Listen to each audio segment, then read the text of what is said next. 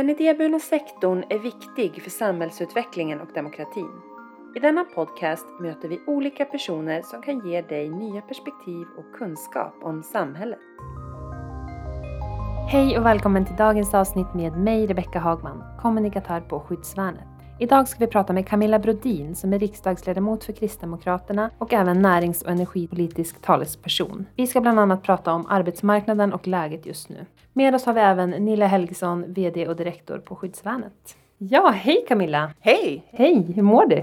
Ja, men jag mår alldeles utmärkt med alla de restriktioner som ändå finns så eh, mår jag väldigt bra. Vad härligt att höra. Det var väldigt kul att du kunde komma hit och ta dig tiden. Ja men tack för att jag får komma. Det här är ju otroligt viktiga frågor. Verkligen. Hur brukar du presentera dig för någon som inte vet vem du är? Jag brukar säga att eh, här har du en fartfull strålande politiker med de energifrågor som också ligger i mitt bagage så kan man associera vad man vill till det. Men jag är ju riksdagspolitiker mm. sedan eh, valet 2018 och innan dess så var jag kommunalråd i Täby kommun och hade då ansvaret för arbetsmarknad och näringslivsfrågor.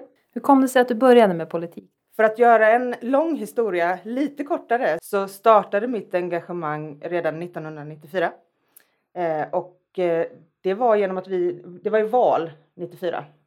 Jag, då gick jag på högstadiet och hade en lärare som tyckte att vi skulle ha en debatt i maj, eh, ja, precis innan det slutade terminen och då fick man välja precis vilket parti man ville. Och jag funderade, vad har jag för relation till partipolitiken? Egentligen ingen. Så att jag valde Socialdemokraterna. För jag minns ju att, ja, Olof Palme gick ju bort där. Det var liksom en ganska stor händelse. Då var jag bara sju år gammal. Och det pratades ganska mycket om det hemma. Genomförde debatten i skolan och min lärare tog mig lite åt sidan efteråt och var så här Engagerad är du, du är bra på att prata, men sosse är du definitivt inte. men då uppmanar han mig att ändå, ja men när, när ungdomsförbunden brukar komma hit eh, inför valet, alltså i höst när ni kommer tillbaka, prata gärna med dem här eh, och bilda dig en uppfattning själv. Och se om du inte faktiskt tycker att det är kul att engagera dig. Så det gjorde jag. Mm. Och eh, blev lite förvånad över att, åh, är Kristdemokraterna mitt alternativ? Det har ju verkligen visat sig att det var rätt. Eh, så att jag har ju då engagerat mig sedan valet 94. Både högt och lågt och vitt och brett. Är väl en sån här dinosaurie i partiet får man väl säga som har hängt i så pass länge. Men aldrig tvekat att Kristdemokraterna var det rätta valet för mig. Vilka frågor har du främst arbetat med och drivit som politiker då under dina år? Jag har ju varit engagerad men blev politiker först ja, på heltid eh, 2014 Eh, Eh, och då har det framförallt varit näringsfrågor och arbetsmarknadsfrågor som har varit min stora drivkraft. För jag brukar säga det med en mening, utan företag har vi ingen välfärd. Det är företagen som anställer människor som ser till att vi får ut det bästa av oss, av oss själva och att vi får också, varför ska vi kliva upp om dagarna? Vad, vad är, vad är vår uppgift här? det är ju att finnas i naturliga gemenskaper och där jobbet ändå är den stora drivkraften. Så det har, det har varit det som har engagerat mig eh, allra mest. Man får ju verkligen bilden av att du är en engagerad människa och har en stor drivkraft. Den bilden stämmer av dig. Det svaret får du nog från alla politiker. Ja. Eh, att man har en drivkraft för mm. annars skulle man inte orka heller orka hålla i frågor och driva dem vidare. Mm. Och sedan har ju engagemanget gått upp och ner genom åren. Men framförallt sen jag fick mina barn så har drivkraften blivit ännu mer påtaglig. Eh, och det har nog alla som får barn i livet. Eh, också en drivkraft att man vill se att de lyckas, man vill se att eh, det blir en bättre plats att leva på och allt det där. Och jag har två fantastiska barn som båda har särskilda behov och där jag vill försöka bana väg att de också har en plats i samhället på naturliga grunder precis som vem som helst som då inte har någon funktionsvariation eller funktionshinder. Mm. Och bilden idag av hur det ser ut kring, kring de här frågorna, är det stora problem? Det kan man ju se att det är stora problem att komma in på en arbetsmarknad och få riktiga jobb. Mm. Eh, och att man blir en i sammanhanget för vi vet ju att vi alla utvecklas och mår bättre när vi också är olika och eh, ger varandra möjligheter att se andra människor lyckas. Eh, och där ser vi att det blir allt för, för många som ändå liksom står långt ifrån arbetsmarknaden och att det finns människor som behöver hjälp och stöd för att kunna få, få det ännu bättre och faktiskt komma ut och finnas i ett sammanhang. Men också det, om jag nu tittar liksom på den gruppen som, som ändå är barn idag. Hur kommer det att kunna liksom se ut i framtiden? Jag skulle önska att alla ändå liksom fick känna att men man får ett eget lönekuvert, inte bara bidrag. Eh, oavsett hur mycket det är i det här lönekuvertet så är det ändå viktigt att få känna att men det här har jag gjort. Jag har förtjänat det här eh, genom att jag också bidrar till samhällets utveckling. Eh, och det kan man göra på många olika sätt. En arbetsplats blir ofta mycket, mycket bättre när man inte är exakt likadana. Vi tänkte gå in lite på arbetsmarknaden. Och Sverige befinner sig nu i en tid av hög arbetslöshet och även efter den här pandemin så kommer vi ju se konsekvenser förmodligen ett långt tag framöver. Vilka åtgärder anser du är viktigast att genomföra för att så många som möjligt ska kunna komma tillbaka ut i arbete? Om man hade ett enkelt svar på den frågan så skulle man nästan kunna få vilket pris som helst. Men jag tror att det behövs en rad olika reformer och här har vi kristdemokrater bland annat föreslagit en tillbaka till jobbet reform. Man ser också att är man för länge utan ett arbete så tar det mycket, mycket längre till in, lång tid innan man kommer tillbaka till arbetsmarknaden. Så om vi ser på det förslaget som regeringen nu har, har, har lagt att man ska sänka arbetsgivaravgifter för unga. Det är en reform som tidigare har prövats. Eh, man har inte sett så stora effekter av det. Det är naturligtvis så att man ska liksom försöka få in unga på arbetsmarknaden också. Men just nu så tror vi att man måste underlätta för företag att faktiskt återanställa de som man kanske har fått säga upp eller man har permitterat men att försöka få tillbaka dem i arbete. Så att här har vi ett förslag om att man ska ta bort arbetsgivaravgiften för, för de som när man återanställer någon som har varit arbetslös de senaste sex månaderna till ett år. Mm. Eh, för att få in så många som som ändå står nära arbetsmarknaden att återkomma i jobb. För ser vi att fler kommer i arbete, ja, men då utvecklas också bolagen att göra affärer och det är så vi måste starta om hela Sveriges ekonomi. Eh, och då blir det också ytterligare arbetstillfällen för, för de som kanske står lite längre från arbetsmarknaden. Så det gäller att vi hittar reformer som gör hur kommer vi tillbaka till jobbet. Arbetslösheten fortsätter ju stiga bland unga också. Vad kan man göra för att bryta den här trenden och få ut unga i arbete? Ja, men just nu så tror jag att det är viktigt att också se var någonstans är det unga brukar jobba och det är mycket inom besöksnäringen. Vi ser att de jobben har försvunnit mm. är till ganska stor del beroende på hur det ser ut just nu. Då gäller det att också stimulera så att företag kommer på fötter igen eh, så att vi återigen kan få de här eh, visstidsanställningarna. Många ungdomar också pluggar ju och att man, att man kombinerar det med jobb. Eh, och hur man också, vi ser ju att i framtiden så kommer vi behöva både arbeta längre Eh, för att vi ska kunna få ihop, om vi tittar in i framtiden så kommer vi behöva fler som arbetar om vi ska klara vårt välfärdsuppdrag. Eh, och här tror jag att man måste se hur kan man stimulera så att företagandet går bra så att vi återigen kan komma att våga anställa och även våga anställa unga. Men inte att det ska liksom bli några särskilda för just unga för vi ser att de som ändå står långt ifrån arbetsmarknaden det är de som har eh, någon form av problematik eller någon eh, slags utanförskap som redan står långt ifrån arbetsmarknaden. Och ska vi få igång det här då måste vi få igång företagandet på riktigt och underlätta eh, för att faktiskt återanställa. Då krävs det en rad olika reformer. Mm. Eh, både skattelättnader men också hur ser vi till att människor ja, men, matchas på rätt ställen. Matchningsuppdraget som Arbetsförmedlingen har haft kanske inte är, har varit det allra bästa och här, här behöver vi se en reform för Arbetsförmedlingen också. Eh, just nu med alla de LAS-förhandlingar som pågår så är det också en fråga i sig som, som, som gör att arbetsmarknaden blir lite instabil eh, än så länge. Men jag tror att man måste, måste kunna se hur, hur kan vi underlätta för små och medelstora företag. För skulle, vi vet ju att fyra, fem jobb skapas av små och medelstora företag. Om alla dessa företag som ändå finns kvar idag, för det, vi ser ju också att det finns en trend uppåt på konkursvågen. Hur ska man liksom vilja bli företagare i framtiden? Hur ska man, och framförallt nyttja potentialen med kvinnligt företagande? Eh, och så vidare. Så att här, här gäller det att, att se helheten och inte bara dutta. Jag tror att vi, vi kommer att ha den här frågan i fokus under väldigt lång tid om vi ska lyckas få se tillväxt i landet. Skyddsvärnet arbetar ju med arbetsintegrering via sociala företag. Hur ser du på arbetsintegrerande sociala företags möjlighet att få ut personer i arbete? Det här är ju en jättespännande men framförallt viktig fråga. Jag har ju besökt Skyddsvärnet eh, för när jag var kommunalråd, det är ju ett tag sedan. Men om man tittar på statistik, vilket vi politiker ofta gör, Eh, så måste man också se hur, vad blir outputen av det man också satsar.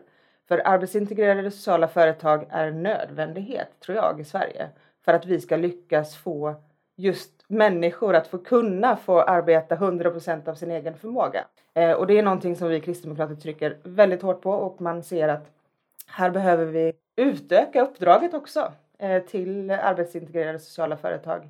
Men jag ser inte ett Sverige utan att ni finns och många fler med er finns också. Det gäller att vi uppvärderar er för att se att faktiskt fler kommer ut i arbete och där visar ju ni på fin statistik att faktiskt lyckas på riktigt. Ofta så, så, så pratar politiker om nu gör vi det här och du gör det här men man måste vara både en bra beställare men också en bra uppföljare för att också kunna se vad blir outputen av det här. Då vill vi ju också ge ytterligare uppdrag så att det faktiskt kan bli ännu bättre.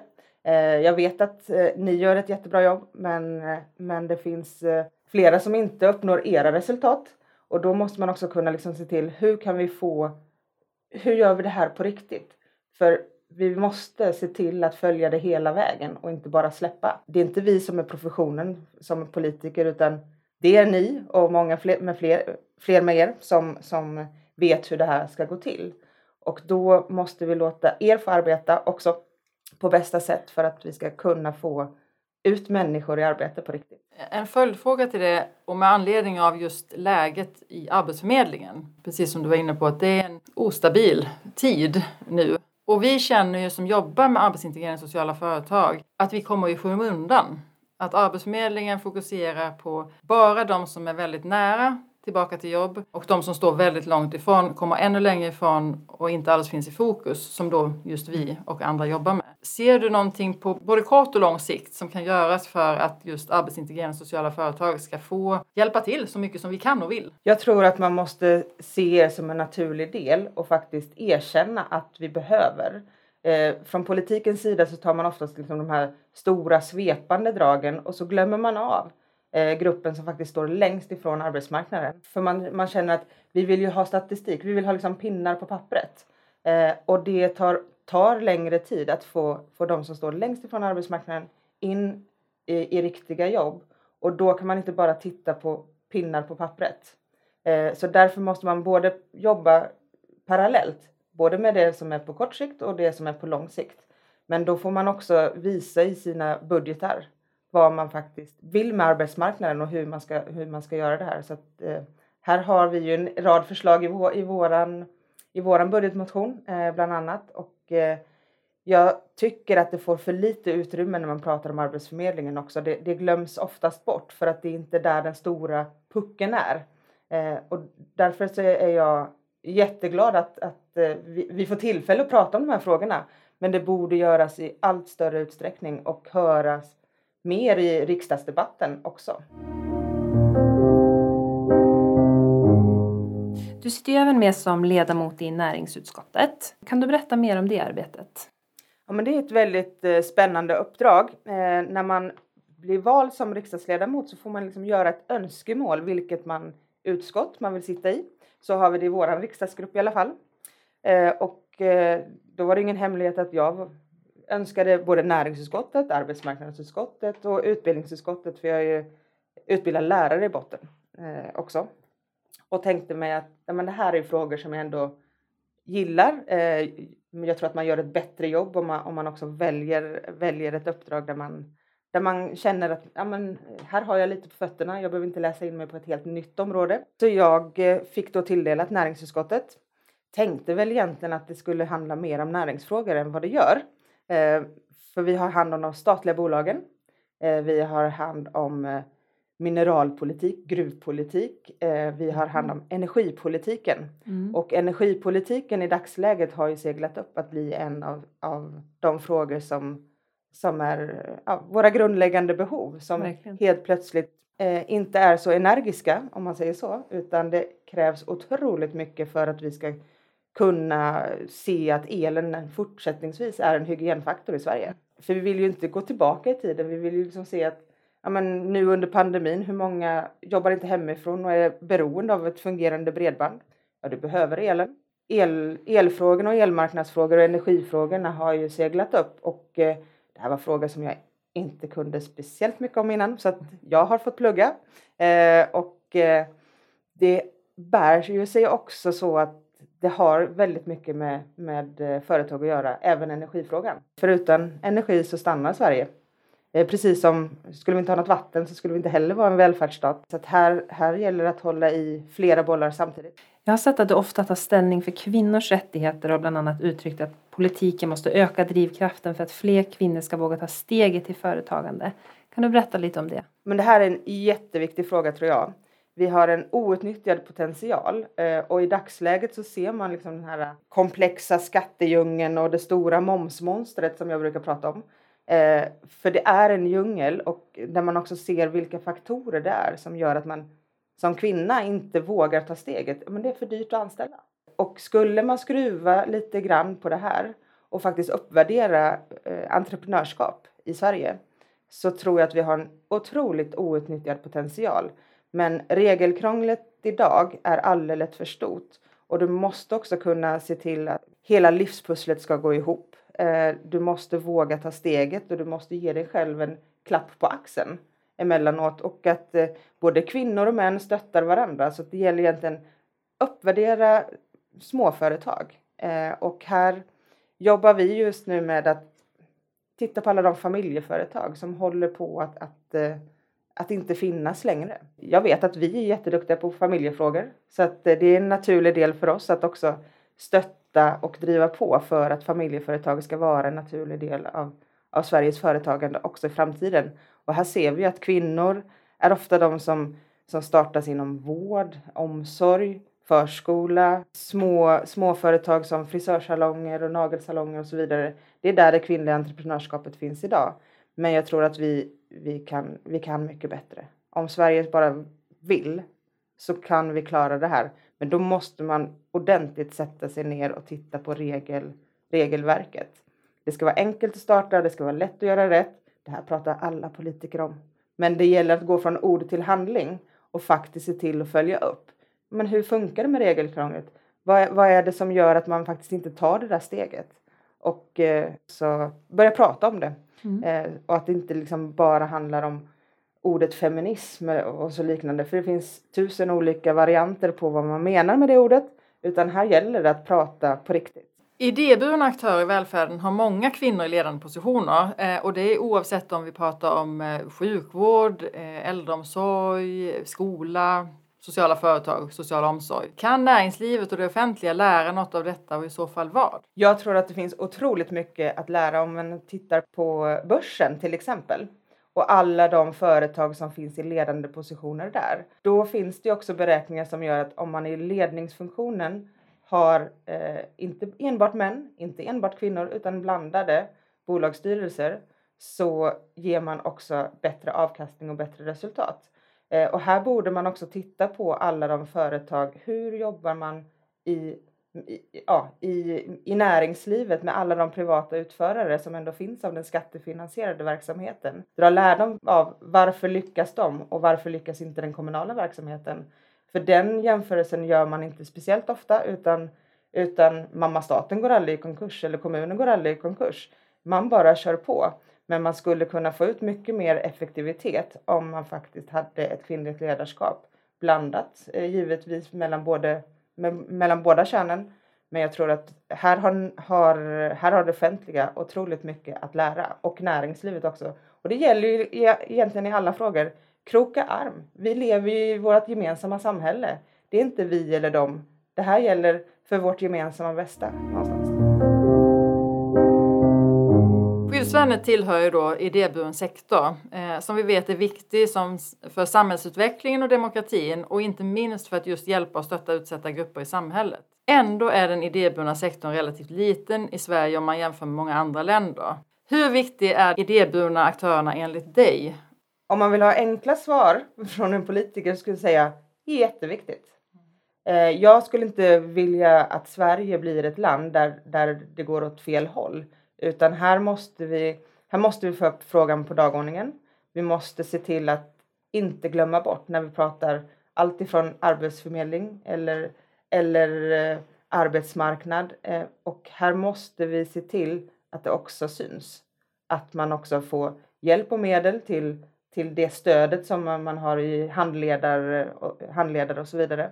Eh, och det är liksom på det första planet, så, då måste man skjuta till pengar för att kunna se outputen på det hela. Men i framtiden så tror jag att, att Sverige skulle må bra av att ha idéburna företag eh, och verksamheter. För när man ser på den kraften och den drivkraften som finns bakom så finns det liksom ingenting som kan jämföra sig med det. Det skulle vara bra om näringslivet också tog till sig det där engagemanget som man också har. Eh, det är inte ett 9 till 5 jobb. Det är liksom en, en, någonting man har committat sig med att faktiskt vilja. Vilja vara där och eh, driva på. Och då gäller det att vi också har en sådan grundläggande synsätt redan från barnsben. Hur ska vi se till att vi också tillsammans ska, ska jobba för det gemensamma bästa i, vår, i vårt samhälle? Och här tror jag att vi har jättemycket att lära av andra länder som har en mycket, mycket större idéburen sektor eh, än vad Sverige har. Eh, och eh, vi behöver inte gå så långt ut i Europa heller för att se detta. Så att här, här har vi otroligt mycket att lära. Och eh, ibland beroende på vem man, vem man pratar med och, och, vilken del av landet man är i så har man kommit väldigt, väldigt långt. Eh, och på vissa ställen så är det eh, en vit fläck. Eh, och jag tror att vi skulle, för att hela landet ska leva så behöver vi också få ut det här i hela landet. Hur tror du att vi kan bli bättre på att samverka med det offentliga och privata sektorn och växa tillsammans? Det här med kroka arm som du sa innan. Här tror jag att det gäller att vara nätverksskapande eh, för det är genom i möten med andra människor som vi kan ta nästa kliv framåt.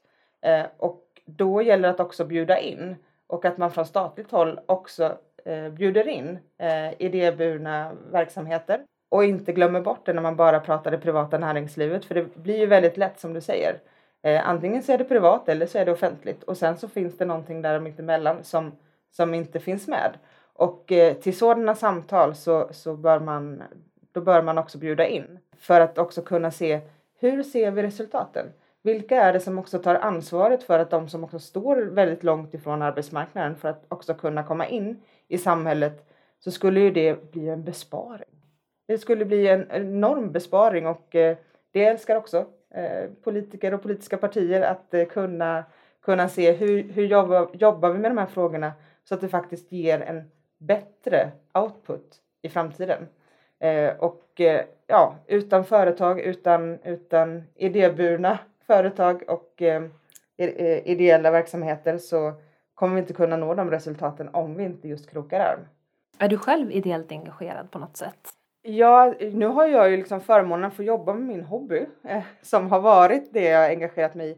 Men eh, bland annat så eh, har jag varit med och startat upp hela den här Funkisglädje som är en ideell organisation mm. som Funkisfestivalen eh, som från början hette Funkismello men det fick vi inte för SVT så då fick vi heta Funkisfestivalen och det handlar om att man när man har någon form av, av eh, intellektuell funktionsnedsättning från 15 år och uppåt så finns det ingen scen det finns liksom inte någonting inom kulturlivet där du har en naturlig del att faktiskt få chansen att eh, uppträda, få vara stjärna, få, få lära dig i, i samskap med, med andra personer. Så då genomför vi ju en stor final varje år som brukar ha gått på cirkus. I år har det varit lite, lite si och så men det har vuxit sig ut i Sverige.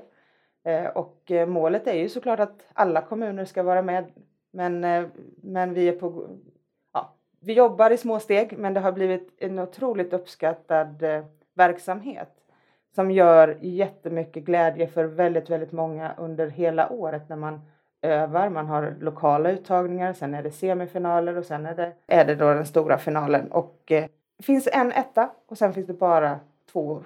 Mm. Eh, och det är mm. något som jag är väldigt stolt över att faktiskt också fått vara med och driva på. Det förstår jag verkligen. Men du som energipolitisk person, vad ger dig energi? Om man då inte ska säga barn och vänner och familj eh, så är ju det att se andra människor lyckas. Jag är en ganska känslig person, det får man kanske inte säga när man är politiker, men eh, har väldigt lätt till att bli, bli väldigt berörd. Eh, och Eh, det blir jag ganska ofta i mitt arbete när man ser att andra faktiskt lyckas.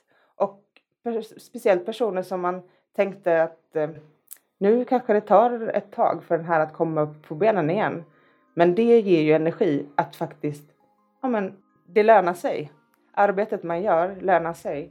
Och är det bara för en person så är det i alla fall för en person.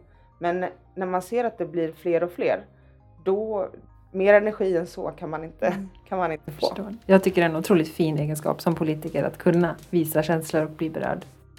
Ja, en fråga som vi ställer till alla våra gäster är om du kan dela med dig av någonting som du tror att många inte vet om dig. När jag fick den här frågan eh, så tänkte jag ju direkt här, vad är det för någonting som inte så många vet? Men det här tror jag inte ens att många av mina partivänner vet. Vad kul! Jag tror för ungefär 15 år sedan så var jag slut på mina studier, man behövde lite extra pengar så jag anmälde mig som statist och eh, var då med i en tv-serie Eh, lite som du. Det, den blev nog inte en jättesuccé. Men jag fick i alla fall en replik. Oj! Och jag sa tja. Så det är nog inte wow. någonting som, som varken folk kommer ihåg eller Men kul. min mormor levde på den tiden så hon ringde mig direkt efteråt och var så här Åh! Och hon är då svensk-finsk. Åh Camilla, jag såg dig på TV, vad roligt, åh du är så duktig. Och jag var ja, tja. Underbart. Men du, då vill jag tacka dig så hemskt mycket för att du kom hit och delade med dig av din kunskap. Stort tack själva.